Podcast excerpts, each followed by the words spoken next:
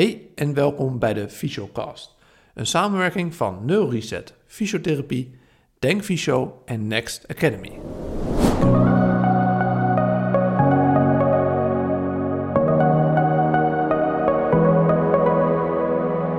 Dit is de podcast voor fysiotherapeuten, kinesiotherapeuten en alle andere gezondheidsexperts in Nederland en België.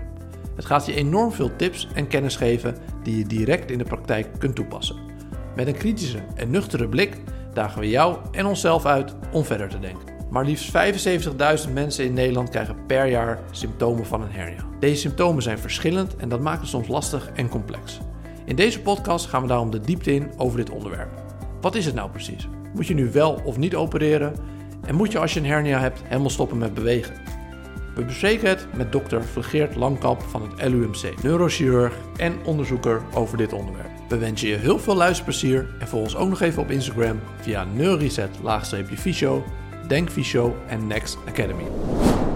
Nou, uh, welkom Carmen. Super dat wij hier konden zijn om deze podcast op te nemen. We zijn uh, nu in het LUMC. Uh, Jerry zit hier ook naast me en we gaan het vandaag hebben over hernia's. Ja. Um, voordat we beginnen, zou u uzelf eerst willen voorstellen? Nou, mijn naam is uh, Carmen Vlegeert Langkamp. Ik ben uh, neurochirurg in het Leids Universitair Centrum. Maar ik werk ook uh, één à twee dagen per week in het Spaarne Gasthuis in Haarlem-Hoofddorp. En het is eigenlijk zo dat de neurochirurgie die wordt bedreven in de acht academische centra. Er zijn ondertussen zeven met de fusie van Amsterdam. En in um, vijf grote centra in Nederland. En de zorg die niet per se in die academie hoeft te gebeuren, die doen we in die nou ja, kleinere centra kan ik eigenlijk niet zeggen, want het zijn vaak heel grote ziekenhuizen. Maar daar um, is meer OK-tijd, meer beddencapaciteit. Dus daar kunnen we ook een heleboel mensen opereren die niet per se in de academie geopereerd hoeven te worden. Oké, okay, en u geeft zelf, doet zelf ook onderzoek met uw onderzoekgroepen. Ja. Zou u daar iets over kunnen vertellen? Hoe, hoe gaat dat en wat voor onderzoeken doet u dan nu bijvoorbeeld? Ja, het is eigenlijk zo dat ik uh, heel veel jaren geleden uh, ben gepromoveerd op um, de uh, evaluatie van perifeer uh, zenuwschade. Mm -hmm. Maar ja, in de praktijk bleek ik eigenlijk met name de ingewikkelde wervelklompathologie te opereren. Zowel aan de nek als aan de thoracale wervelkolom als aan de lumbale wervelkolom. Dus ik vond het eigenlijk wat meer passend dat mijn onderzoek ook wat meer die richting in ging. En ja, ik ben dol op onderzoek doen. Dus toen ben okay. ik ja, klein begonnen, maar dat werd eigenlijk meteen al heel groot. Ja. En hier in Leiden is professor Peul, die is gepromoveerd op onderzoek naar de lumbale hernia. Mm -hmm. Hoe je dat het beste kunt behandelen, operatief of conservatief en alle spin-off die daarbij hoort. En hij heeft eigenlijk uh, in de jaren nadat hij hier gekomen is, dat hele wervelklomonderzoek aan mij overgedaan. En eerst heb ik dat voortgezet in de zin van dat we eigenlijk kijken naar, um, hoe moet ik dat mooi zeggen? Ja, dat is eigenlijk het epidemiologisch onderzoek en dat doen we eigenlijk nog steeds. En waar we dan naar kijken, dat is, wij doen als neurochirurg natuurlijk bepaalde ingrepen aan de wervelkolom. Gebeurt overigens ook de orthopeden. Maar er zijn ingrepen waarvan je zou kunnen zeggen, is dat nou wel zo nuttig om te doen? Gaat dat ook niet vanzelf over? En daar was eigenlijk tot nog toe eigenlijk weinig naar gekeken. En dat onderzoek, dat hebben we eigenlijk helemaal uitgebreid. Dus we hebben niet alleen bij de hernia gekeken, maar groot onderzoek ben ik begonnen aan de cervicale hernia. Om daar ook naar te kijken. Lumbale stenose, daar naar te kijken. Maar ja, je kunt dat steeds verder uitbreiden. Met al die dingen is het zo, als je ergens wat meer van weet, dan blijkt dat je er eigenlijk steeds minder van ja, weet. Precies. Dat betekent dat er steeds meer onderzoek gedaan kan worden. Dus dat heeft zich ondertussen als een olievlek uitgebreid. En op dit moment eigenlijk drie grote dingen waar we naar kijken. Allereerst, de eerste poot is het epidemiologische onderzoek. En de tweede poot, dat is dat we wat meer kijken naar de achtergrond, de etiologie van mm-hmm. die aandoeningen. Dus waarom heb jij nou pijn in je been ja, als je een hernia het? hebt? Ja. ja. hoe ontstaat het? En wat onderhoudt die pijn? Mm-hmm. Dat is wat meer fundamenteel onderzoek. En een derde poot, dat is dat we met behulp van machine learning, artificial intelligence, okay. dat we kijken of we predictiemodellen kunnen maken om van tevoren te kunnen zeggen, jij doet het beter met die operatie, jij doet het beter met die operatie en jij doet het beter als we er helemaal niet opereren. Maar dat is nog wel toekomstmuziek. Ja. Het is echt niet zo dat ik datgene wat ik nu allemaal verteld heb, dat dat allemaal al kant en klaar is. Ja, dan kon ik net zo goed in mijn graf gaan liggen en dan waren we helemaal klaar. Maar je wil dus eigenlijk veel specifieker kunnen vertellen wat werkt bij wie en waarom gaan we dat doen. Ja, en dat komt eigenlijk, ik vind een mooi voorbeeld daarvan, vind ik eigenlijk de stenose-operatie. Dus iemand met een lumbale kanaalstenose. Daarvan hebben die patiënten, die hebben eigenlijk pijn in de benen bij het lopen en staan. Mhm. En als je dan een MRI maakt, zie je in veel gevallen dat er een stenose zit in die lumbale wervelkolom. En de geëigende operatie daarvoor is, ik maak het wat ruimer. Dat is helemaal niet zo'n heel ingewikkelde operatie. Alleen weten we wereldwijd, als we kijken naar de resultaten, dat ongeveer twee derde van de patiënten na een tijdje tevreden is. En een derde, ja, is eigenlijk toch nog een beetje te piepen. Die zeggen toch nog, ja, Blijf ik had er meer van verwacht. Nou ja, je snapt dat er natuurlijk altijd mensen zijn waarvan je zegt. Jij bent nooit gelukkig te krijgen. Maar dat, dat is zeker ook een percentage. En het speelt ook zeker mee hoe mensen in het leven staan. Of ze positiever in staan. Want er zijn mensen, en die zie je op de polykliniek terug... en die zeggen, nee dokter, natuurlijk kan ik nog geen uren winkelen... maar joh, kijk toch eens hoe mooi, ik kan mijn hondje alweer uitlaten. En ik zie mensen zeggen, nou, ik vind helemaal geen succes... want ik kan helemaal geen uren winkelen. Dat hou je altijd, maar er blijft een groep patiënten... waarbij je achter je oren krabt en denkt... verdorie, waarom doe jij het nou niet zo goed? Ja. En dan op de foto, ja, kan ik het niet zien. Maar dat is een groep, ja, die, dat prikkelt mijn nieuwsgierigheid. denk ik, wat zou dat nou zijn?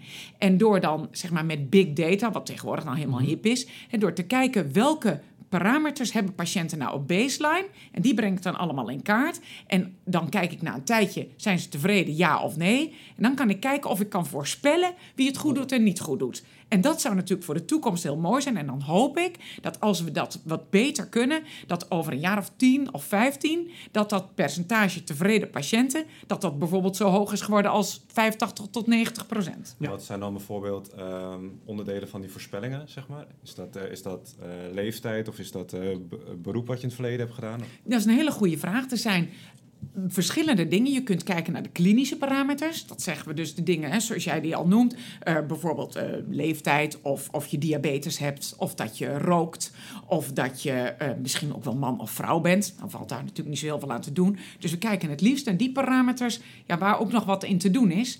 Maar dat zijn de klinische parameters. En aan de andere kant heb je juist ook de radiologische parameters. Dan tot nu toe is het zo dat we kijken bijvoorbeeld naar een röntgenfoto. Of daar wat bewegelijkheid zit. Dan maak je zo'n flexie-deflectie-röntgenfoto. Daarvan weten we ondertussen wel dat die heel slecht voorspellend zijn. Maar goed, we kunnen ze in een model inbouwen.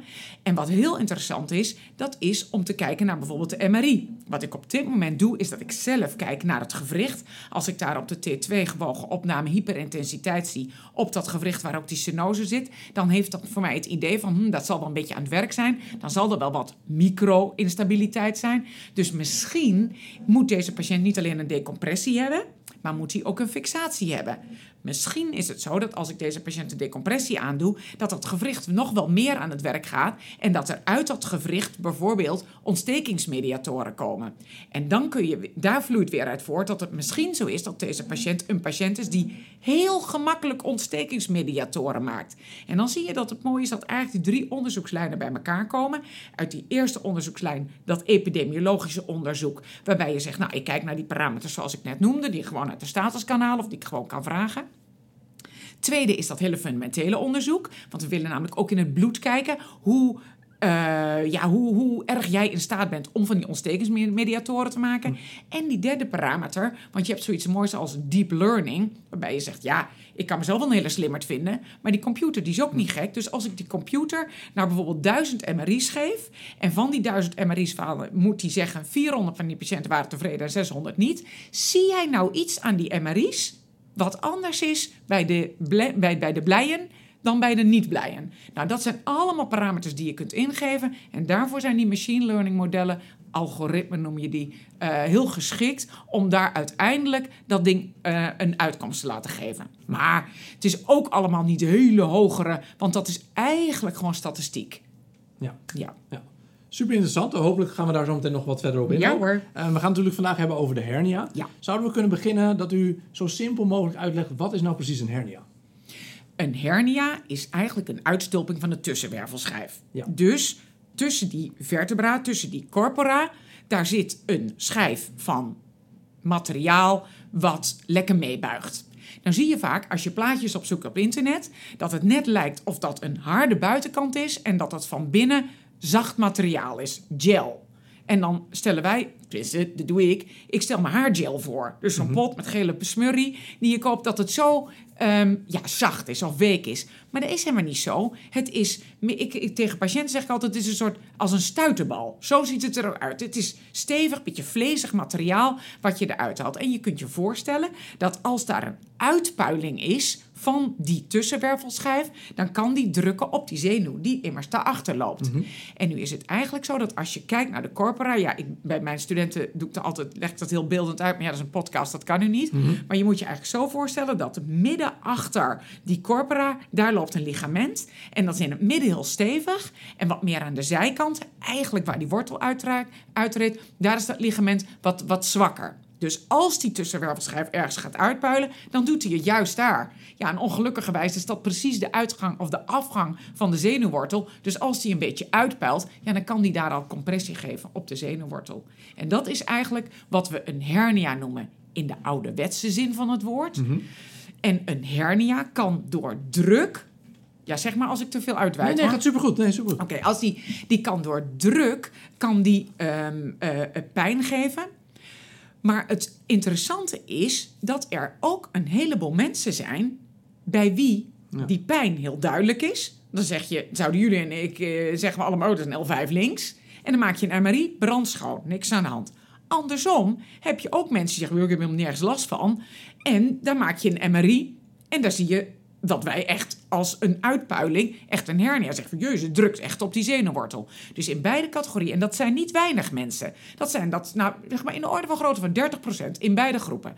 Dus dat moet dat er nog iets anders ook een rol speelt. Ja. Het kan niet alleen maar compressie zijn. Nou, de laatste jaren komen we er eigenlijk steeds meer achter dat inflammatie, ontsteking ook heel belangrijk is.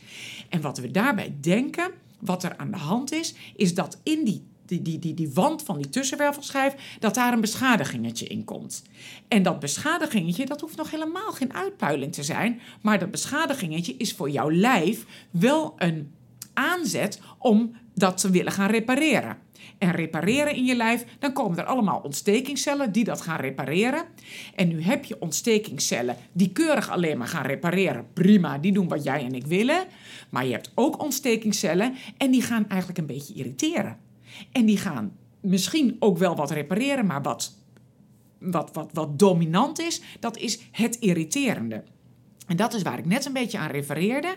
Dat zou je waarschijnlijk ook in het bloed kunnen meten. Ben jij nou een type die met name repareerders maakt? Of ben jij een type die met name irriteerders maakt? Dus dat, ehm, als je dat zou weten... en je zou bijvoorbeeld kunnen gaan uitzoeken... welke medicijnen tegen irriteerders werken... en denk bijvoorbeeld aan NSAID's... of misschien ook wel antibiotica... dan zou je dat gaan geven. Ja, maar als er dan zeg maar, want de compressie zou makkelijk te verklaren zijn met een hernia dat drukt op de zenuw, Ja. daardoor ga je het uit, eh, voel je de uitstraling. Ja. Maar wat is dan het mechanisme achter de ontsteking dat het gaat uitstralen? dat die, want die zenuwwortel die gaat daar af. En je kunt je voorstellen als naar die, die, die, die, dat kleine letsel in die, ja, die annulus, zeg maar, dus die beschermhoes van die, eh, van, van, van, van die tussenwervelschijf, als ze daar naartoe komen, ja, dan zitten ze ook tegen die zenuwwortel aan. Want dat, dat, dat ligt gewoon heel dicht tegen elkaar aan. En nu zullen er een heleboel mensen zijn die de combinatie hebben. Ja. Maar ehm, je kunt je voorstellen dat we eigenlijk van tevoren zouden willen weten of jij de irriteerders maakt. Want als je met name de irriteerders maakt, dan zouden we misschien eerder kunnen proberen om ja, met geneesmiddelen wat te doen dan dat we meteen gaan opereren.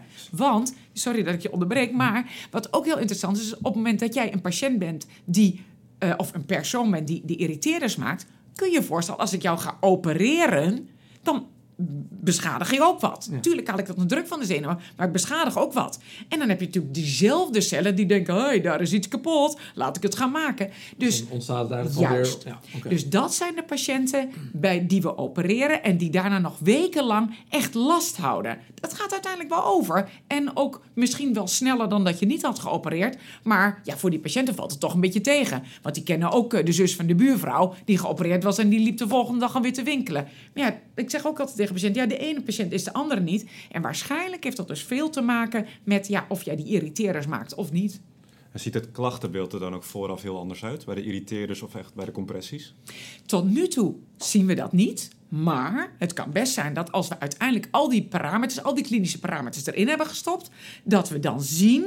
Hé, hey, dit zijn wel patiënten waarbij het klachtenpatroon toch een beetje anders is. Maar tot nu toe eh, hebben we dat nog nooit kunnen vinden. Nee, dus het gaat niet alleen maar om compressie, het gaat ook om die irritatie. Ja. En daarom is dus ook eh, een deel van de patiënten niet verklaarbaar waarom, hè, als ze dus wel een hernia op de foto zien, Ja. eh, dat dat niet per se klachten geeft. Absoluut. Toch, dus dat is een heel belangrijk iets. Dat is een heel belangrijk iets. En u probeerde net al heel mooi te omschrijven, want dat deed u heel mooi omschrijven hoe zo'n hernia er dan ongeveer uitziet. Want dan heb ik soms wel het idee bij patiënten, daar hadden we het net ook even kort over voordat we de podcast begonnen, hè, dat ze soms heel erg het idee dat er een halve tussenwervel zo helemaal af ligt en dat het heel erg instabiel is. En, ehm, maar dat is dus niet zo. Nee, en dat vond ik ook heel mooi dat je me dat eh, schetste. Want dat is iets, ja, dat had ik zelf nog niet. Hoewel ik dan de, ongeveer de hele dag met hernia's bezig ben, had ik zelf nog niet eens bedacht dat het zo woest kon zijn. Want je hebt toch dat eh, je, je, in je eigen hoofd heb je een plaatje hoe het eruit ziet.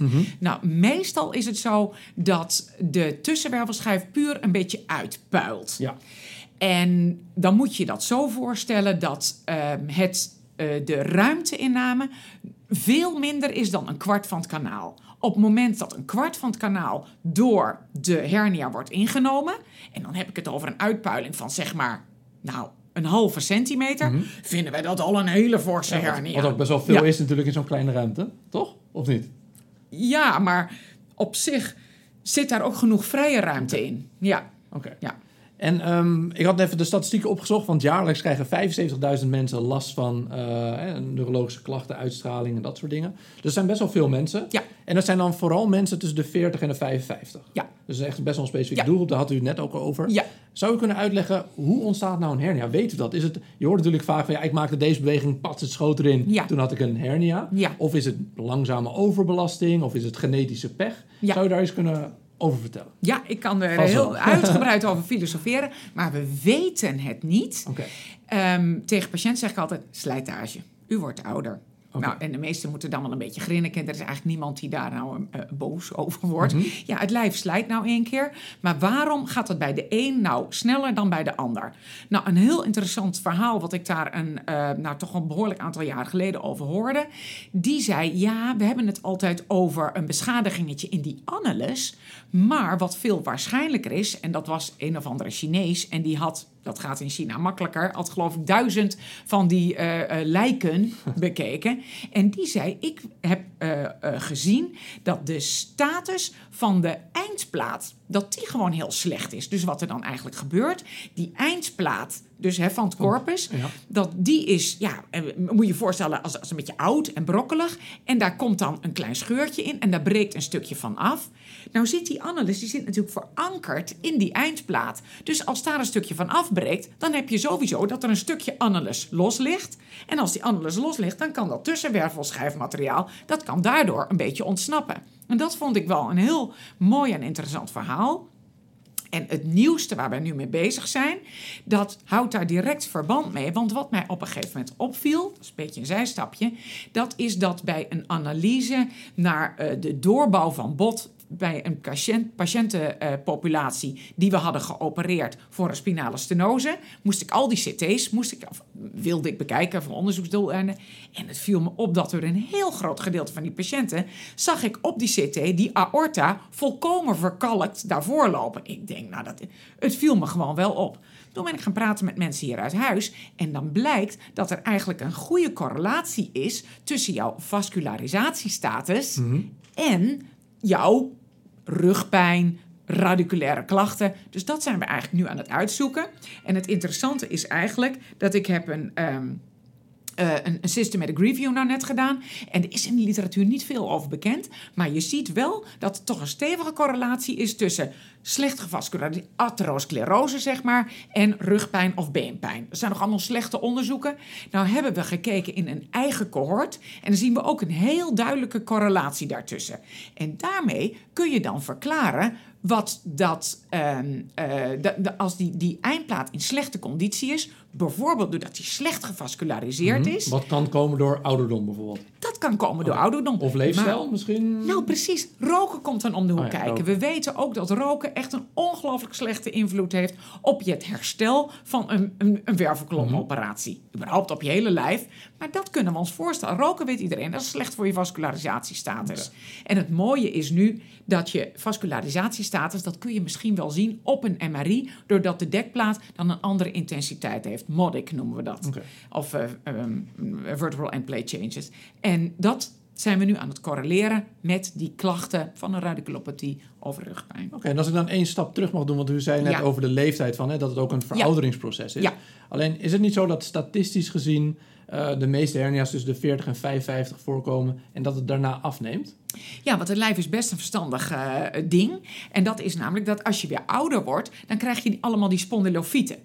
Dus wat er dan gaat gebeuren, daar gaat jouw wervelkolom eigenlijk een klein beetje vastzitten. Dus de beweeglijkheid wordt wat minder en daarmee ook die tractie aan die annulus. Hè, want je kunt je voorstellen, als je, eh, dan denk je zo'n dekplaat, een beetje oud en krakkemikkig. En er bestaat nog steeds beweeglijkheid. En dan maak je bijvoorbeeld zo'n beweging waar je het net over hebt. En dan trek je misschien net een beetje harder aan die annulus. En dan kan dat scheurtje optreden. Op het moment dat jouw wervelkolom alweer ouder is, zijn wat spondylofieten gekomen. Het is allemaal wat minder beweeglijk. De ligamenten die zijn wat meer eh, fibrotisch geworden. En het rekt allemaal wat minder mee. Dan is de kans dat als jij opeens een blaadje van de vloer pakt, niet, de kans niet zo groot dat jij tussen twee wervels opeens veel bewegelijkheid hebt. Dat gaat dan wat krakkemikkiger. Als je ziet hoe iemand van 75 een blaadje optilt en iemand van 25, ja, dan zien wij allebei een duidelijk verschil. Dus eigenlijk, als iemand van een jaar of 65, 70 een hernia krijgt, en dan in de echte zin van het woord, ja, dat is eigenlijk een compliment. Ja. En op oudere leeftijd zie je dan weer eerder de stenose, toch? Dus als je Ja. voorbij die 55 bent. En wat is dan een beetje het beeld? Wat veroorzaakt... eh, eh, Wat je bij stenose met name ziet, dat is de, eh, fi- de, de fibrotische beknelling ja, van dat ligamentum flavum. En daar is ook altijd een beetje discussie, want wat je ziet bij de operatie is dat je dan enorm veel van dat flavum weg moet halen. Dus heel beetje van die botrandjes, dat is niet zoveel. Maar met name dat flavum, dat ligament, dat is dan eh, hypertrofisch. Dus wij noemen dat een hypertrofisch ligament. En dat zal wel komen door slijtage en dat halen we dan weg. Van de andere kant kun je ook voorstellen dat die tussenwervelschijven, die worden naarmate we ouder worden steeds minder vochthoudend. Dus dat zakt een beetje in. Daarom worden oude mensen kleiner. Je wordt ook echt kleiner, want al die tussenwervelschijven die verliezen allemaal een paar millimeter. Nou, dat telt lekker op. Maar doordat de tussenwervelschijf inzakt, is er aan de achterkant, gaat dat ligamentum flavum gaat natuurlijk een beetje krullen, zeg maar. Dus dan kan het ook dikker lijken. Ik denk dat het een combinatie is van zowel dat het toch een beetje hypertrofisch is, als van dat het ook een beetje gekruld is. En verder heb je natuurlijk die, ja, die spondylofieten, want uit het, het gewricht, daar zit dat gewrichtsweefsel in. En ook dat wordt wat ouder. En dan kun je aan het eind- uiteinde van die gewrichtjes... kun je dus ook die kleine spondylofietjes... ein- kleine botwoekeringetjes, moet ik het noemen.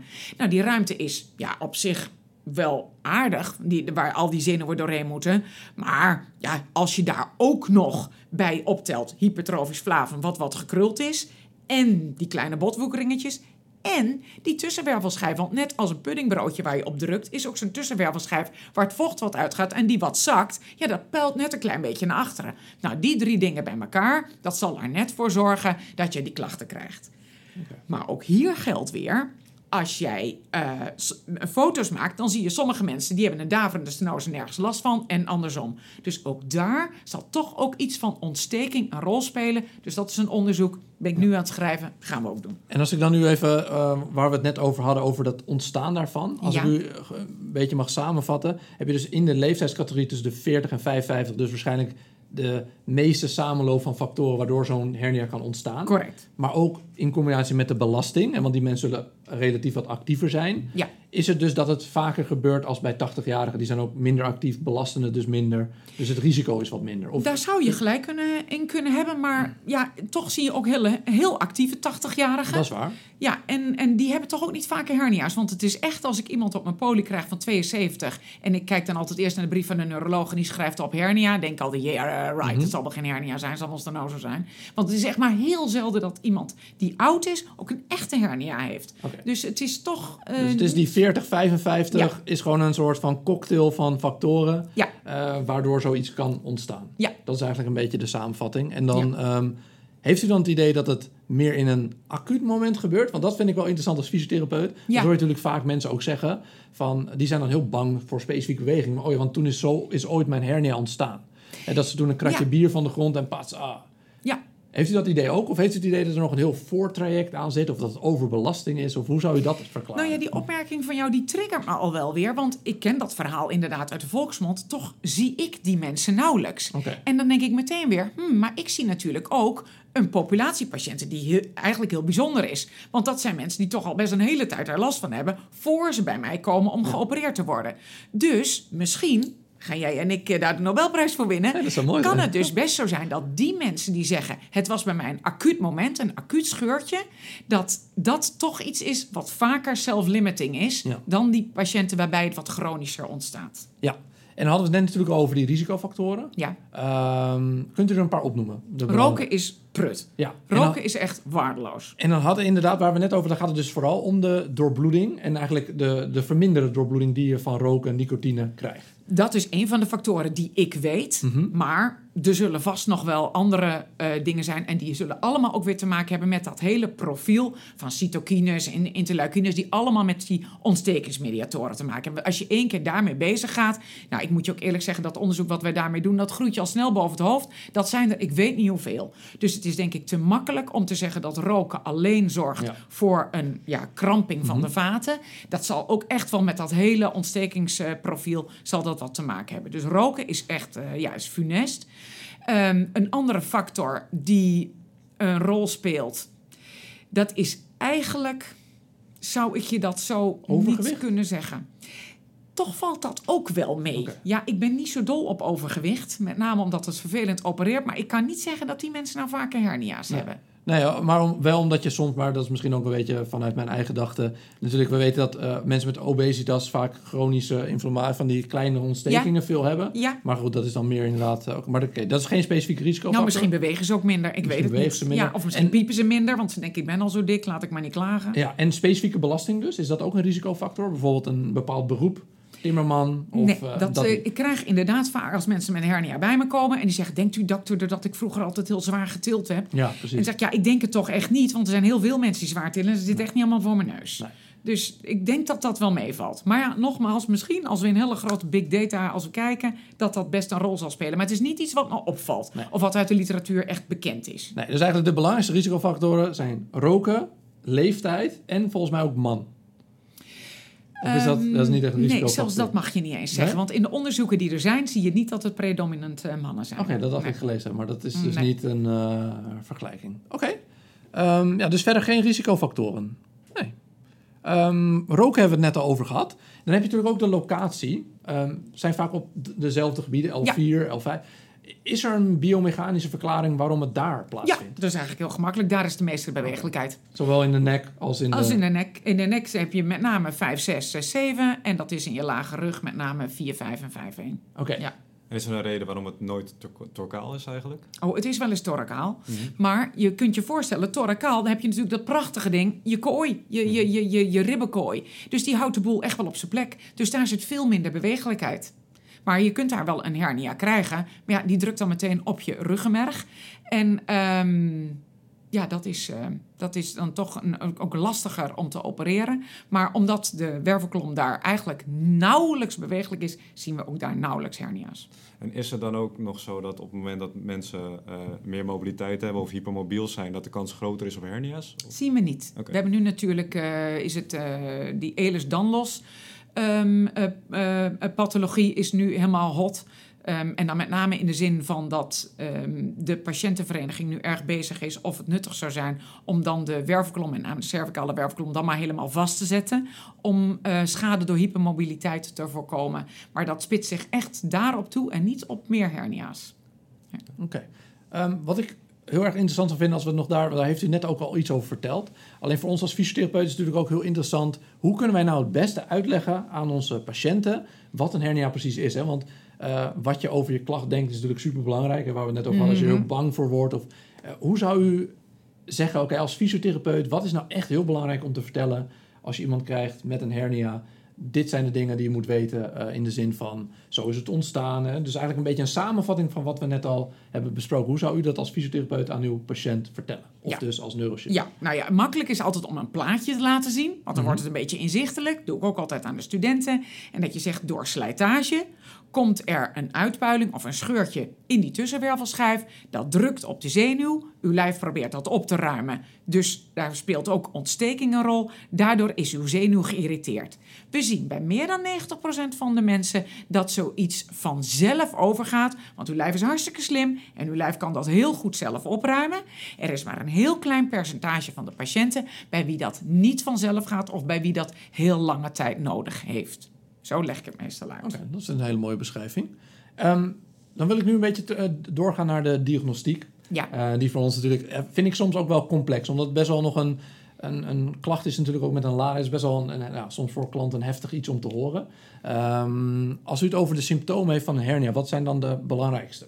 Als fysiotherapeut, waar kan je aan herkennen, oké, dit kan wellicht een hernia zijn? In ieder geval pijn in het been. Ja, Dat krijgen ze nog steeds met alleen pijn in de rug.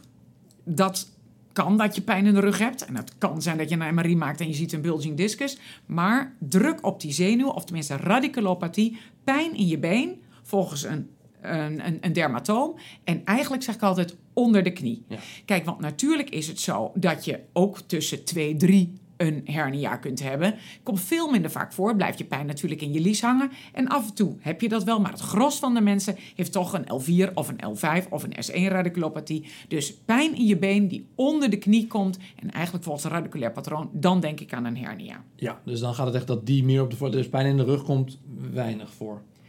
Nou, dat, eh, vaak zie je dat als nevensymptoom. En ik leg ook altijd uit aan de patiënten: het is heel voorstelbaar dat u pijn hebt in uw rug. Eén, het komt allemaal door slijtage in je rug, dus dat zal wel pijn doen.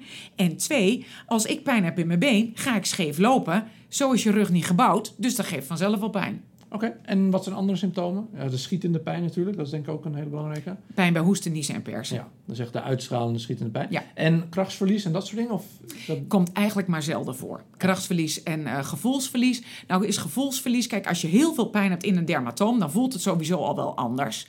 En ehm, dus dat zal ook wat vaker voorkomen, maar in de regel komen patiënten niet met krachtsverlies of gevoelsverlies. Het is pijn, pijn, pijn, pijn, pijn. De sheets die ik heb voor mijn studenten staat wat zijn de kenmerken van, of wat zijn de symptomen van een hernia. Dus een hele dia staat vol met pijn, pijn, pijn, pijn, pijn. Ze hebben gewoon met pijn. En wat zijn eh differentiaaldiagnoses die je op dat moment in je achterhoofd moet houden... op het moment dat mensen binnenkomen met straling in het been of beenpijn? Ja, bij mensen die bekend zijn met een maligniteit moet je eh, bedacht zijn op een metastase. En ehm, verder, als de pijn heel heftig is en unilateraal, ja, is het eigenlijk toch wel dat je denkt echt aan die radiculopathie. En laten we wel wezen, die metastase is ook in feite een radiculopathie. Maar daarmee kun je niet zeggen, joh, wacht het maar eventjes af. Dus dan moet je toch wel naar de onderzoek gaan doen. En dat is eigenlijk het, eh, de belangrijkste. Dat, dat moet je niet, eh, niet vergeten. En zou de, de, de provocatie of de, de symptomen ook ergens anders vandaan kunnen komen? In de zin van, je hoort natuurlijk ook wel eens iets over piriformis syndroom. Volgens mij is het niet heel wetenschappelijk onderbouwd. Maar zou het ook nog dus van lagere gebieden kunnen komen? Dus niet per se van de werfkolom. maar Bijvoorbeeld ergens door waar de zenuw de spieren door moet. Of wordt dat wel, is, is, is daar iets... eh, Ja, we kennen natuurlijk ook de tumoren van de zenuwen. Kijk, en die ehm, kunnen nog niet eens zozeer druk geven op de zenuw, als wel bijvoorbeeld bij zo'n piriformis syndroom, dat het dan ehm, eh, je, je psoas, dat die bijvoorbeeld bij contractie, dat die dan net die tumor irriteert. Dus daar kennen we dan wel dat, van, dat wel van. Maar ja, dat zijn eigenlijk. ehm, die, durf ik dat ook slecht te zeggen. Want ja, zo'n piriformis syndroom, wat inderdaad voor mij inderdaad een beetje een zwevende term is, Ja. waar ik niet zoveel mee kan. Maar misschien komt er op een dag iets eh, waarbij je zegt van, oh, als je dit, dit, dit aan voldoet, dan heb je dat. Ja, misschien zijn dat wel die patiënten waarvan ik zeg, duidelijk radiculair syndroom, maar ik zie geen hernia. Dat zou kunnen. In de regel is het zo, pijn in je been is een hernia, een stenose of is je heup. Oké, dus dat is best wel duidelijk dan. Ja. En soms zie je nog wel eens in de, in de fysiopraktijken dat eh, mensen met een acute rugklacht binnenkomen. Die hebben zich, noem maar wat, verteeld. Mhm. En dan zie je ook wel eens tijdelijk, een dag of twee, drie, eh, lichte straling naar het been. Ehm, waar zou dat mee te maken kunnen hebben op dat moment? Want noemen we vaak referred pain, want vaak is dat pijn die tot aan de knie gaat. En dan ja, leg ik altijd uit aan patiënten dat als een spier geïrriteerd is en die gaat krampen, dan is die nooit in zijn eentje. Zijn vriendjes die daarnaast zitten, die gaan ook krampen. En daardoor kan dat in een heel groot gebied in de omgeving kan dat uitstralen. Zodra die pijn maar boven de knie blijft, durf ik dat nog wel referred pain te noemen. Als het onder de knie gaat, dan denk ik dat wordt te woest. Dat zal toch wel prikkeling van de zenuw zijn. ja, duidelijk. Oké, en wat zijn de belangrijkste diagnostische tools die er zijn om, eh, na- naast, eh, ja, om eh, hernia's eigenlijk te diagnosticeren? Zijn er ook echt testen die wij als fysiotherapeut kunnen doen om daar iets over te zeggen? Nee. Nee, hè? Dus de Nou, straight dat is- leg race, dat is gewoon... Nee, dat is allemaal is dat uitgezocht in die eh, sciatica trial, hè, waar ik al helemaal mee begon, waar Peul destijds op eh, gepromoveerd is. Ehm, gekeken naar allemaal dat soort testen. En dan is er eigenlijk uitgekomen dat die Lasègue niet onderscheidend is of je nou een hernia hebt of niet. Het enige wat we kunnen doen is het maken van een MRI. En MRI is eigenlijk alleen maar om te kijken of er precies op die plek waar jij klinisch last van hebt, dus als jij klinisch een L5 rechts hebt, of precies op dat plekje een hernia zit. En je zult begrijpen, naar aanleiding van mijn eerder verhaal, Ja. dat het best wel eens voorkomt dat iemand met een L5 rechts klinisch syndroom een MRI laat maken en dan zie je op L4 links een hernia. Ja, eh, ik ga er niks aan doen. Nee. Dat is soms dan wel eens lastig uit te leggen. Oké, dus ook alle neurologische testen, reflexen en dat soort dingen, dat, dat zegt dus eigenlijk niet zo heel veel. Nee, het enige wat dat onderschrijft is jouw klinisch radiculair patroon. Ja. Ja. Ja, dus, ja oké. En de straight leg race zou je misschien, of de LASEC, meer als een provocatietest. Maar Ja. het zegt eigenlijk nog steeds niet. Het zegt eigenlijk alleen dat er neurologisch ergens iets een beetje geïrriteerd raakt. Ja, jij hebt pijn bij het Ja, gestrekte... Ja, maar dat kon, kon hij al vertellen dat Ja, hij pijn had. Waardoor dat komt, dat weet dus eigenlijk niemand. Nou ja, het, het, de gedachte is eigenlijk dat je, eh, doordat je rek geeft aan die spier die eigenlijk aan het verkrampen is, Ja, dat die extra pijn geeft. En, die, en, en nou, dat weten jullie nog beter dan ik, een spier die geïrriteerd is, ja, die stopt er op een gegeven moment mee. En vandaar dat je bij die straight leg raising test, dat je ziet dat het been gewoon echt stopt. Dat je iemand zeg maar aan zijn been gewoon eigenlijk op kunt tillen. Want die spier die schiet gewoon in een kramp. ja. Oké, en ehm, dan hebben we het natuurlijk gehad over de, de symptomen. Ehm, eigenlijk hebben we dus als fysiotherapeut ook vooral dus de anamnestische gegevens. Toch? Dus Ja. wat iemand vertelt, het beeld, hoe het is Ja. dus ontstaan. Ja. En dan de, de risicofactoren waar jij het net over had. Ehm, dus dat is super belangrijk om uit te vragen, want dan kun je een beeld geven. Eh, en vervolgens eigenlijk vooral ehm, ja, of doorsturen of vooral wat u net zei, eerst kijken hoe het gaat. En want dat zeggen de richtlijnen tegenwoordig. Ehm, En als het niet beter gaat, dan heeft eigenlijk alleen een MRI zin om te zeggen waar de pijn wellicht vandaan komt. Is Ja, dat een en beetje nu- een samenvatting? Ja, dat is helemaal goed. Ik heb nog twee kleine toevoegingen daarop. De eerste is dat wij ehm, in, eh, hebben gekeken naar allemaal patiënten die werden ingestuurd met een radiculair syndroom en die een MRI hebben gekregen. En toen zagen we dat van al die patiënten, dus met echt overtuigde radiculaire klachten, die waren bij de neuroloog geweest en die dacht, nou, dit is echt wel radiculair, dus ik laat een MRI maken. Toen zag je bij de helft van de patiënten op de MRI, zag je maar een hernia. Dat betekent dus dat bij de andere helft, ja, dat het echt zo is. Je kunt gewoon echt radiculaire klachten hebben, maar toch niks zien op die Ja. MRI. Dus eigenlijk zou ik, zou ik dan willen zeggen, moet je alleen een MRI maken op het moment dat je ook echt een operatie overweegt. Omdat, ja, voor je gaat opereren moet je wel weten of er iets te opereren valt. Ja.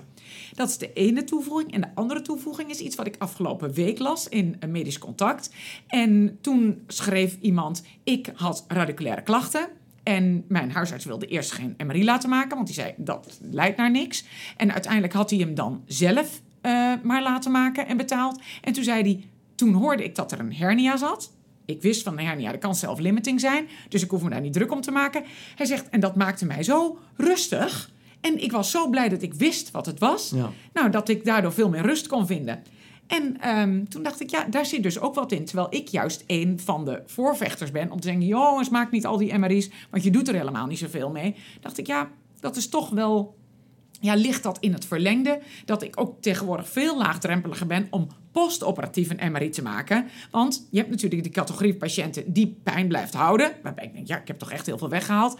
En dan, die mensen blijven me ongerust, die willen niet afwachten. En als ik dan een MRI maak en zeg, kijk, er zit niks meer. Nou, dan werkt dat soms al zo rustgevend, ja, dat ze het eigenlijk allemaal veel beter accepteren. Het geeft voor hun dan ook echt een verklaring waarom wel of waarom niet. Andersom kan het natuurlijk ook als je, eh, als je iemand te snel misschien doorstuurt met rugpijn, die een foto, en je ziet dus een asymptomatische eh, hernia, dat iemand daarna bijna klachten krijgt, omdat hij denkt, ja, dat zie je, er zit dus toch iets.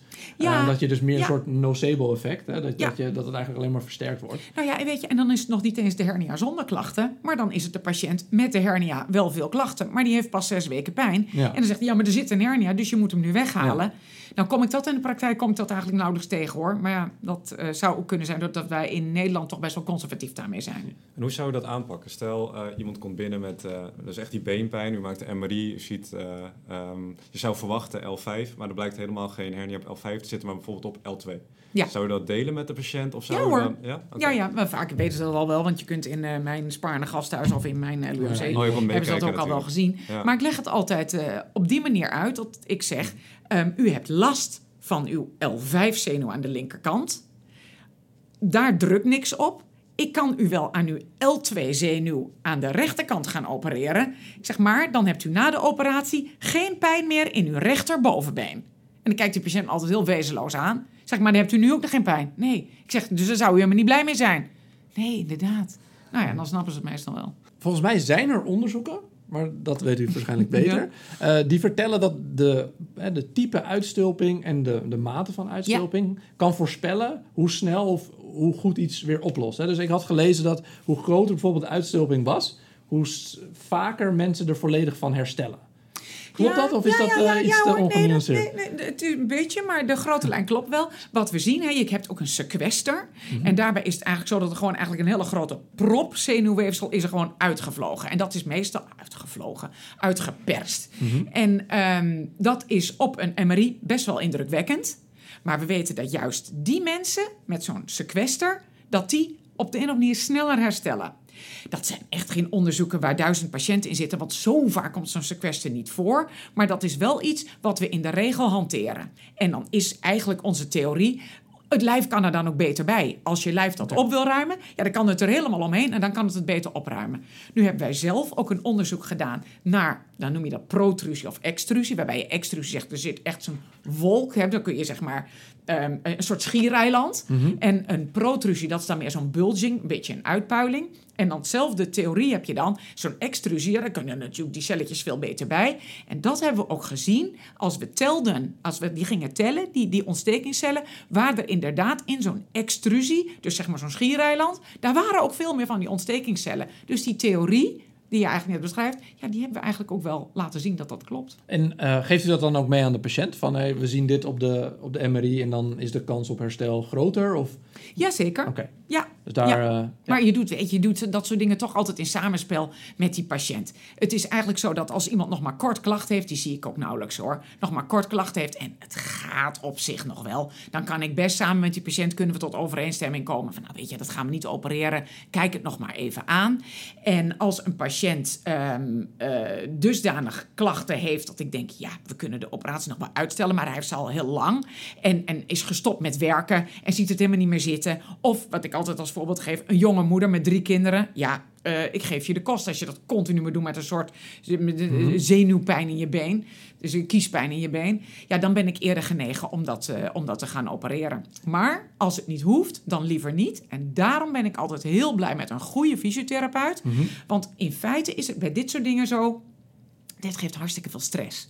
Die pijn, die geeft niet alleen pijn, maar ook maak je je ongerust. Ja, dat zou ik angst, zelf ook ja. doen. Bewegingsangst, Je, tuurlijk. ja, niet alleen bewegingsangst, maar wat heb ik voor angst? En, eh, en ook als je dan één keer bij de dokter geweest bent, zijn ze bij mij geweest. En dat hoeft allemaal echt niet. Dan heb ik ze op dat moment gerust kunnen praten. Maar ik, ik, ik kan me helemaal voorstellen dat ze een week later weer denken... ja, maar is het nu toch niet erger geworden? En dan is het heerlijk om een goede fysiotherapeut te Ja. hebben... bij wie ze hun vragen en angsten kwijt kunnen. En met, en met wie ze... Ja, dat is een soort als een begeleider. Dus vandaar de, de huidige hype om de fysiotherapie dan maar helemaal weg te zetten. Dan denk ik, ja, ik dank je de koekoek. Dat gaat veel meer de zorg belasten. Het is heel belangrijk om iemand met verstand van zaken aan zo iemand te koppelen. Om een goede begeleiding te geven. Meer als een soort manager dan het oplossen van. Maar daar gaan we het zo meteen nog over Eerste hebben. lijnzorg. Ja, zeker. Ja. En ehm, kunt u ons dan nog één keer meenemen in zeg maar, het gemiddelde beloop bij iemand die niet geopereerd wordt worden? Hoe, hoe, hoe gaat zo'n patiënt ongeveer door een hernia heen? Eh, dus van klacht tot dat het minder wordt, is er eerst meer pijn. Zou je daar iets over kunnen vertellen? Ja, de, Hoeveel die weken patiënt dat die, duurt die, die krijgt eh, pijn. En dan Ja. zie je toch wel vaak dat dat in zeg maar, ongeveer een week opbouwt. En dan zeg maar helse pijn. Eh, kiespijn in je been. Wordt gek. Ik kan niet linksom, ik kan niet rechtsom. Ik lig in mijn bed, ik weet niet hoe ik naar het toilet moet komen. En dat, dat verschrikkelijke, dat duurt meestal een paar dagen. Nou, dan hebben ze ondertussen toch wel flinke pijnstillers eh, eh, ergens vandaan weten te, te grabbelen. En dan gaat het allemaal wel. En dan duurt het meestal nog een week of drie. Waarin ze echt denken van, nou, ik weet niet of het ooit nog wel overgaat. En daarna wordt het eigenlijk langzaam steeds minder. En meestal zie je dat binnen acht weken...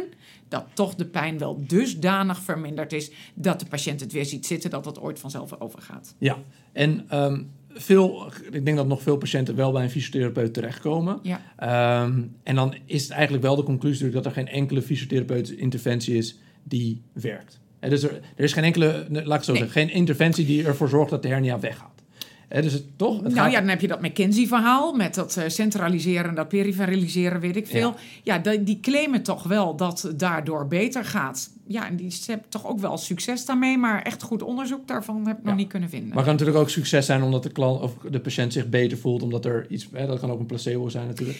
Nou Ehm, ja, zo ver durf ik nog niet eens te gaan. Want het is dan wel als dat zij zegt... ja, ik vergeet het steeds, ik kan het echt niet onthouden... maar zeg maar, als je centraliseert... dan gaat het sowieso niet vanzelf over. En peripheraliseert dan wel. Nou ja, of, of andersom, dat weet ik niet meer. Mhm. Maar zij zien dus wel verschillen tussen patiënten. Dus Ja. het is niet zo dat het altijd wel eh, weggaat... want zij kunnen, zeggen dat wel te kunnen voorspellen. Ja, en dan zie ik meer de rol van de fysiotherapeut als in- interventies eigenlijk dat hele managen hè, van dat, Ja. hè, wat u net zegt, geruststellen, Ja. kijken of je toch nog zoveel mogelijk hè, met zo Ja. min mogelijk pijn zou kunnen gaan doen. Ehm, maar hoe zit dat met eh, inderdaad van belasting? Hè? Dus als je een hernia hebt en je gaat toch gewoon rustig door met belasten, is dat dan negatief of positief op de uitkomst?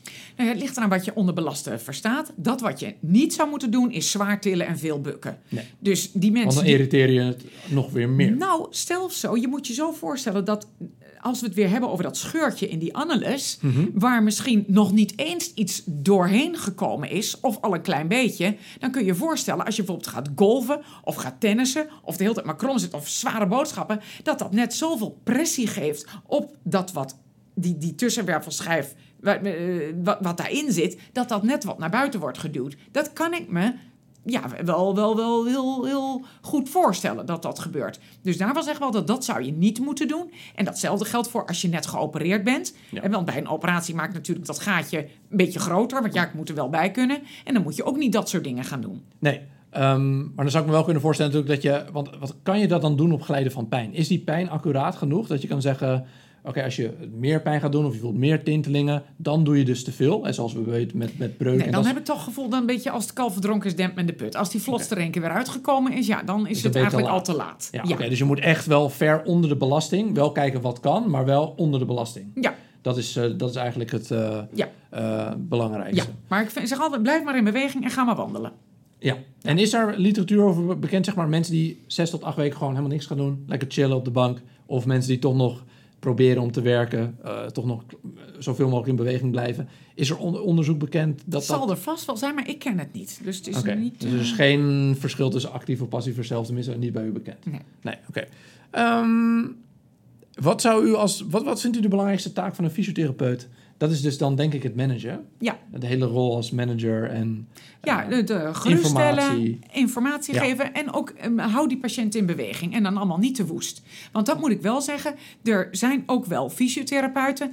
Ja, die gaan toch wel de boel forceren. Ja. Dus eh, kijk, want mensen zijn heel divers. Iemand die normaal niet zo heel veel beweegt... en die komt dan bij de fysiotherapeut en die zegt... en nu nog een tandje erbij en dan ga ik nog eens het been die kant op bewegen... en die kant op bewegen. Ja, dan denk ik altijd, nou, dat zou ik maar even niet doen. Nee. En dat zie je met name postoperatief. Dat is niet natuurlijk waar je het nu over hebt, maar postoperatief.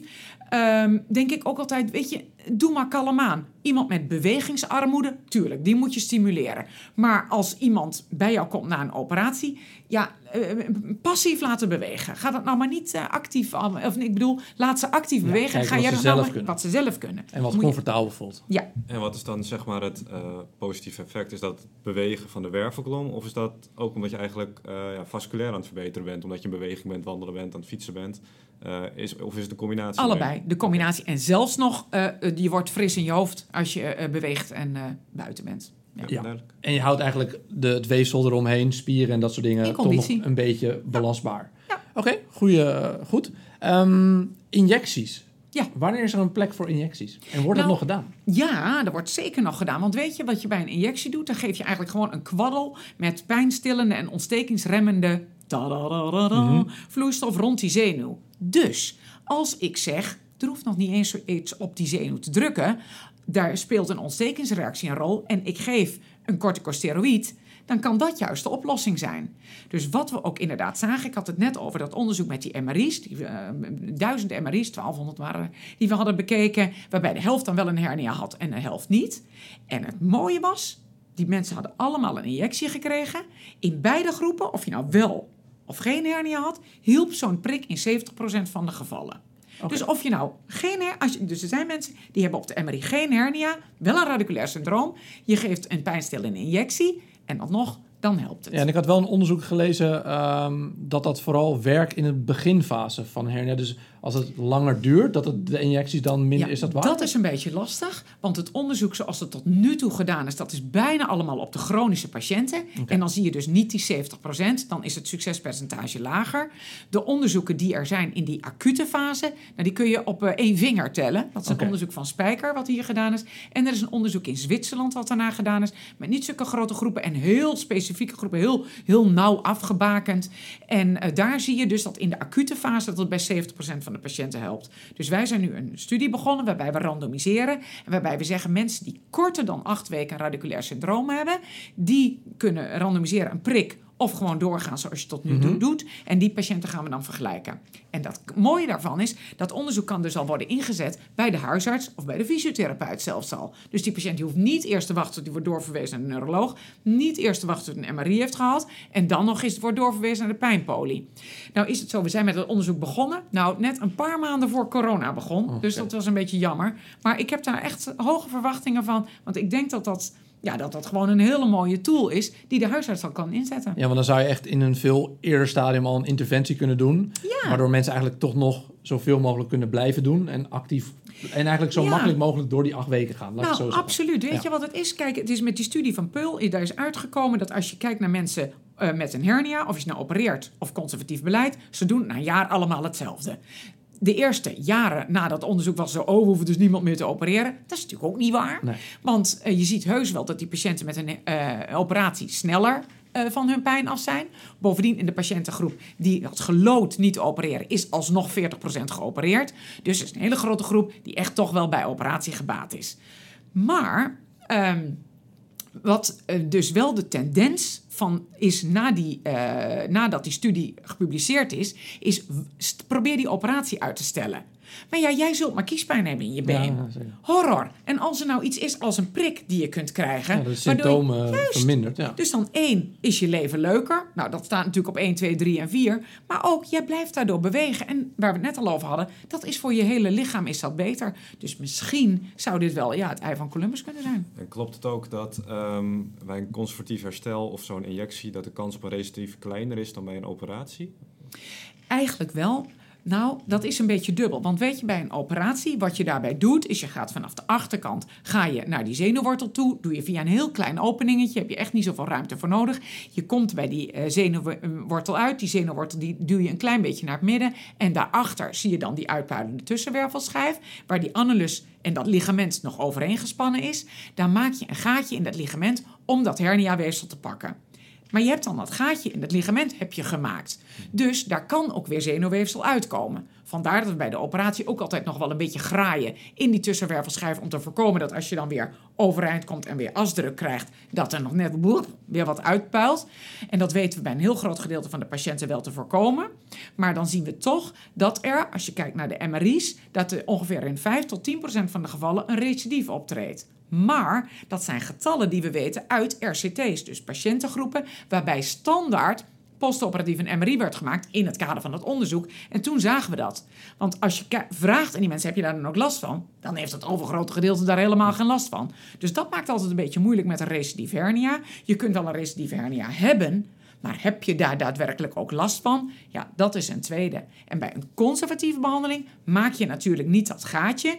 En heb je het dan over een recidief? Ja, dan is het vaker een persisterende hernia of een zich uitbreidende hernia. En die injectie, wordt die nu ook al toegepast? Want ja, ik, Absoluut, ja. Kijk, en dat maakt het onderzoek wat ik kan doen een beetje lastig. Want dat is nog steeds iets wat gewoon in het arsenaal zit van de neuroloog. De neuroloog zal eh, ook heel vaak kiezen voor zo'n injectie. In plaats van de patiënt meteen maar door te sturen voor operatie. Maar dan hebben we het weer over die chronische patiënt. Die patiënt die toch al 14 tot 16 weken last heeft. Of zelfs nog langer. En... ehm, eh, wat ik zou willen is dat die injectie vaak ook nu ook al in een eerder stadium gedaan wordt. Oké, dat, dat zou mooi zijn inderdaad. Ja.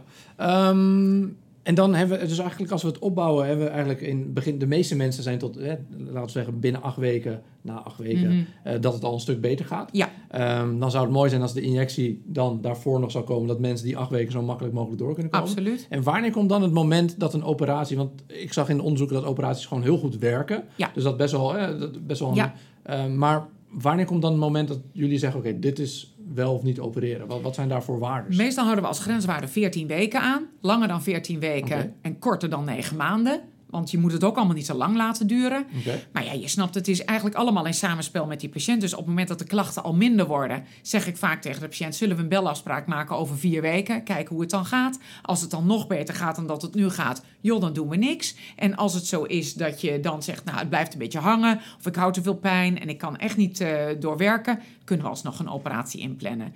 En nou ja, wat ik net ook al zei, is als er iemand is die korter last heeft, maar dat is zo ingrijpend op haar leven, of ja. zijn leven, Mhm. ja, dan opereer ik dat eerder. Oké. En hoeveel procent wordt dan zeg maar beter door een operatie? Een 90 procent. 90 procent. Ja, maar, moet ik wel bij aantekenen, dat zijn de getallen zoals we die kennen, ook weer uit de RCT's.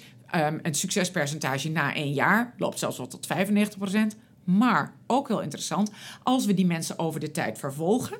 Dus als we kijken na 10 jaar in diezelfde populatie van patiënten, Mhm. dan zien we dat maar 60% tevreden blijft. Dus er is 40% van die populatie die 10 jaar geleden kwam met een radiculair syndroom, die uiteindelijk toch nog wel zegt: Ja, ik heb toch altijd wel last gehouden van mijn benen, of ik heb steeds episodes waarin ik last heb. Dus het is ehm, niet zo onschuldig als het lijkt. En zou dat- toevallig die cijfers ook bij conservatief? Dat is van de gemengde groep. Oh, Dat is van de gemengde groep. Ja. Ja. Want het kan natuurlijk ook, maar dit is ook weer een gedachte van mij, van, het kan natuurlijk ook zijn dat als iemand geopereerd is, daarna wat angstiger is voor zijn rug, minder gaat belasten en misschien andere klachten, ah, specifieke lage rugpijn, eh, ontwikkelt, omdat hij gewoon minder belast en dat soort dingen. Ja, dat zou kunnen. Ehm, maar, dat maar- zou oké, kunnen. maar het gaat niet specifiek, iemand krijgt weer exact dezelfde klachten, maar er zit een is gewoon ontevreden. ontevreden. Is gewoon Dus ontevreden, noemt zichzelf een rugklant. Ja. ja. Waarbij natuurlijk wel ook een rol speelt, waar we het in het begin al over hadden. Ja, je krijgt een hernia niet zomaar. Dat krijg je ook door degeneratie. Ja. En ehm, kunt u nog heel veel kort eh, meenemen in zeg maar na een operatie? Want volgens mij is het best wel intens zo'n operatie, de, het herstel daarna. Je mag een periode ook helemaal niet belasten, toch volgens mij? Nou, helemaal niet belangrijk. Kijk, in de regel wat ik tegen patiënten zeg, op de dag van operatie doet u nog kampjes aan, blijft u nog lekker liggen, mag wel zelf naar het toilet lopen, maar u doet nog rustig aan. En dat zeg ik eigenlijk al, want je hebt altijd van die goochelaars, die staan dan diezelfde avond al en die gaan de hele verpleegafdeling aflopen en die willen eigenlijk al naar huis en die willen al van alles. En de volgende dag dan eh, willen ze niet naar huis, want dan creperen ze van de pijn. Ja. Dus ik zeg altijd, doe nou die dag maar kalmpjes aan. Maar ehm, laat onverlet dat er echt een, populatie van patiënten is, jong en gezond, die eigenlijk best op dezelfde dag naar huis kan. Dat willen we nu gaan inzetten. Maar dezelfde dag rustig aan. De volgende dag komt de fysiotherapeut. Daar gaat u al een beetje mee oefenen. Want ja, ze hebben natuurlijk wel rugpijn. Alleen al van de operatie Ja, natuurlijk. precies. En, van een wond natuurlijk. Precies, Ja. ja. Dus die leert u een beetje een trucje, hoe u het beste het bed uit kunt komen. En, eh, en dat is eigenlijk voor die mensen die dat heel help, help, help, bewegingsarmoede. En na die, eh, dat de fysiotherapeut geweest is en ze wat tips heeft gegeven, kunnen ze gewoon naar huis. Als je dan thuis komt, heb je natuurlijk pijn in je rug. Ja, dan ben je net geopereerd. Kun je gewoon pijnstillers voornemen. Die pijn duurt ongeveer twee weken. Is natuurlijk wel afnemend al in die twee weken. En na die twee weken ja, ga je eigenlijk steeds meer doen. In die twee weken, zeg ik altijd, kunt u alles. U kunt gewoon uw thee zetten, u kunt gewoon uw boterham smeren, u kunt uw avondeten. Maar je hebt vaak wel net een narcose gehad, je bent net geopereerd, dus je bent een beetje patiënt. Eigenlijk net alsof je een griepje hebt gehad. Ja. Dus het is wel lekker om een beetje vertroeteld te worden. Dus het is wel lekker dat er iemand is die een kopje thee zet en die even je boterhammetje maakt en tegen wie je een beetje aan kunt klagen. Maar verder met je NSAID's en met je paracetamol moet je het echt dan het beste uithouden. En dan na die twee weken kun je al veel meer gaan doen. Kun je wandelingen gaan uitbreiden, maar zeker niet op de bank gaan zitten. Gewoon rond blijven lopen. Dus eigenlijk mag je ook best wel snel met dit soort operaties daarna best wel snel weer belasten. Ja, Toch? nou ja, dus relatief je, gezien. Ja, belasten vind ik altijd eng klinken. Ik vind belasten altijd alsof je bewegen. met zandzak in het rond Ja, gaat nee, lopen. Dat moet je maar Bewegen, beter niet doen. bewegen. Ja, bewegen. ja. En wat ik laatst nog, ehm, ik zat nog een, eh, een samenvatting lezen volgens mij van de zorgverzekeraars, was dat, dat er een heel groot verschil is tussen regio's en hoeveel operaties daar, eh, oftewel, het hangt heel erg af van bij welke dokter je terechtkomt, of je heel snel een operatie krijgt. Daar is de verzekeraar zo dol op. Ik geloof dat ik nu al acht jaar met de verzekeraars in de klus ben. En ik heb nu weer hoor. En iedere keer blijven ze me bellen. eh dit deskundig kunt u nou, want, want hoe kan praktijkvariatie? Ja, dat, ja, ja, dat was het woord waar ik nog op zoek was. Ja. Ja, nou, al met al zijn de eh, aantal hernia-operaties zijn ongelooflijk teruggenomen ehm, in, in de afgelopen, teruggelopen in de afgelopen 20 jaar. En eh, we doen er ondertussen nog maar 7000 tot Per jaar, 9000 ja. per jaar. En die regioverschillen.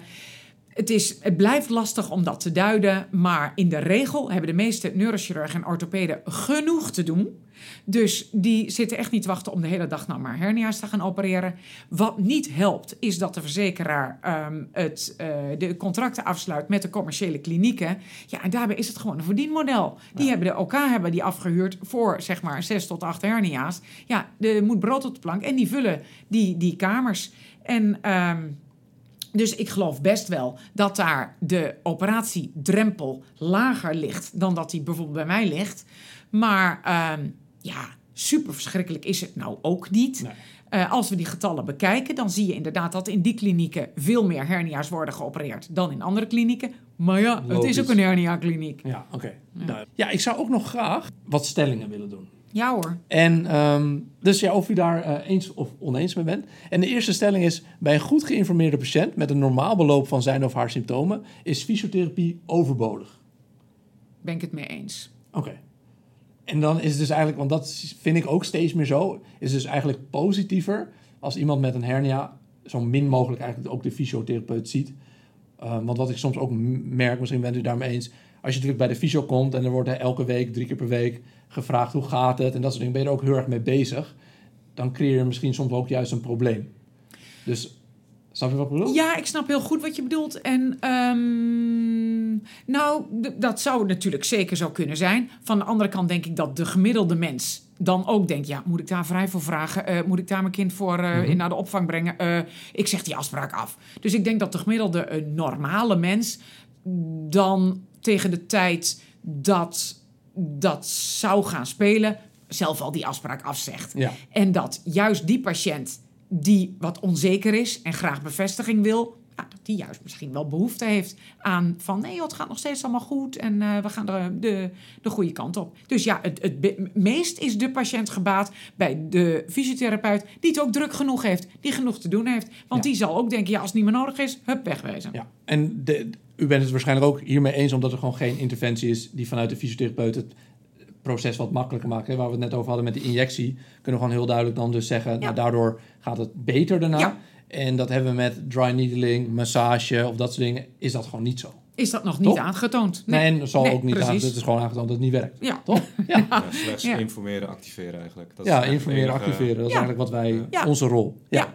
Ehm, Maar vergis je niet, er is een grote groep patiënten die daar ook wel behoefte aan heeft, bij wie dat echt heel nuttig is. Maar nu je beschrijft die patiënt die dat niet is, ja, die heeft het dus ook niet nodig. Ja, dan had ik nog een tweede stelling, maar daar hebben we het eigenlijk net al een beetje over gehad. Op dit moment is het, of je wel of niet geopereerd wordt, te afhankelijk bij welk medisch specialist je terechtkomt. Nee, daar ben ik het pertinent mee oneens. Oké. Nee, Dus er dus- zal best ergens een koekenbakker rondlopen waarvan ik denk, nou, daar kun je beter niet aankloppen, want die zet meteen een mes in je rug. Maar over het algemeen hebben wij hier in Nederland eh, eh, prima opgeleide dokters die eh, gewoon normaal boerenverstand hebben. En, die, en, en weet je, we zitten ook met elkaar allemaal, ehm, eh, we, we- kennen elkaar ook allemaal. En we zijn ook in de Dutch Spine Society, zijn die dokters die, die met name die rug opereren, die zijn daarin verenigd. We horen allemaal dingen van elkaar, de nieuwste dingen worden met elkaar gedeeld. Dus ehm, ik ben daar in Nederland niet zo bang voor. Ik, in België en in eh, Duitsland, dat is een heel ander verhaal. Dan heb je hem ook meteen op de kast. Ja? Als de, ja, dat is verschrikkelijk wat daar gebeurt. Ja, dat is gewoon echt allemaal commercieel gedreven. En die mensen worden er ook bang gemaakt. Ja, dat, eh en van, je moet echt geopereerd worden. Nee, vreselijk. Nee, ik snap ook niet dat de zorgverzekeraar dat vergoedt. Maar u zit wel in de, een, Euro- zag ik, in de Europese overkoepelende organisatie. Ja, ja, ja. En wat, zegt u, wat zeggen ze dan over Nederland dat wij dan relatief conservatief daarmee zijn? Nou, dat gaat eigenlijk niet over het opereren van eh, hernia's. Mhm. En bovendien, daar in, in dat soort organisaties eh, zitten niet die jongens die eh, dit soort ingrepen doen. Nee. Nee. Oké, duidelijk. Ik denk dat wij het meeste nu wel hebben gevraagd wat we wilden vragen. Carmen, heb jij zelf nog toevoegingen dat je denkt, oké, dat heb ik nu nog een beetje gemist in de vragen? Nee, ik denk dat we ehm, voor het voetlicht hebben gekregen dat datgene wat je bij de eh, gezonde jonge eh, eh, vrouw of man kunt doen, dat dat bij een hernia heel beperkt is. Ja. Maar dat er een heel grote groep patiënten is ja, met bewegingsangst of met angsten op een heel ander niveau, ja, die een klankbord nodig hebben. En, die, en als je dat kunt doen aan de hand van het bewegen, dan is dat eigenlijk alleen maar goed. Het enige misschien wat je nog toe zou kunnen voegen, we hebben het eigenlijk met name over de lumbale hernia gehad. Ja. En de cervicale hernia is eigenlijk toch min of meer hetzelfde verhaal. Ja, behalve dan dat ik daar geen voorstander ben van die prikken. Juist omdat je daar zo dicht bij het ruggenmerg zit. Ja, en dan ehm, vind ik dat een ander verhaal. Ja, en cervicaal duurt volgens mij ook statistisch langer, toch? Dan die acht weken? Duurt Vaak. wat langer, komt wat min en veel minder vaak voor. Ja, precies. Ja. Oké, Oké, duidelijk. Eh, dan dank u van harte eh, voor deze zeer interessante podcast. Dank je Heel wel graag voor. gedaan. Zo, dat was alweer podcast 25. We hopen dat je weer veel geleerd hebt. In de volgende podcast gaan we in gesprek met Simone Gauw en hebben we het over bruxisme en kaakdysfuncties. Tot dan, en wil je meer weten over de volgende beschikbare opleidingen voor fysiotherapeuten? Check dan de website van Denkfysio en Next Academy.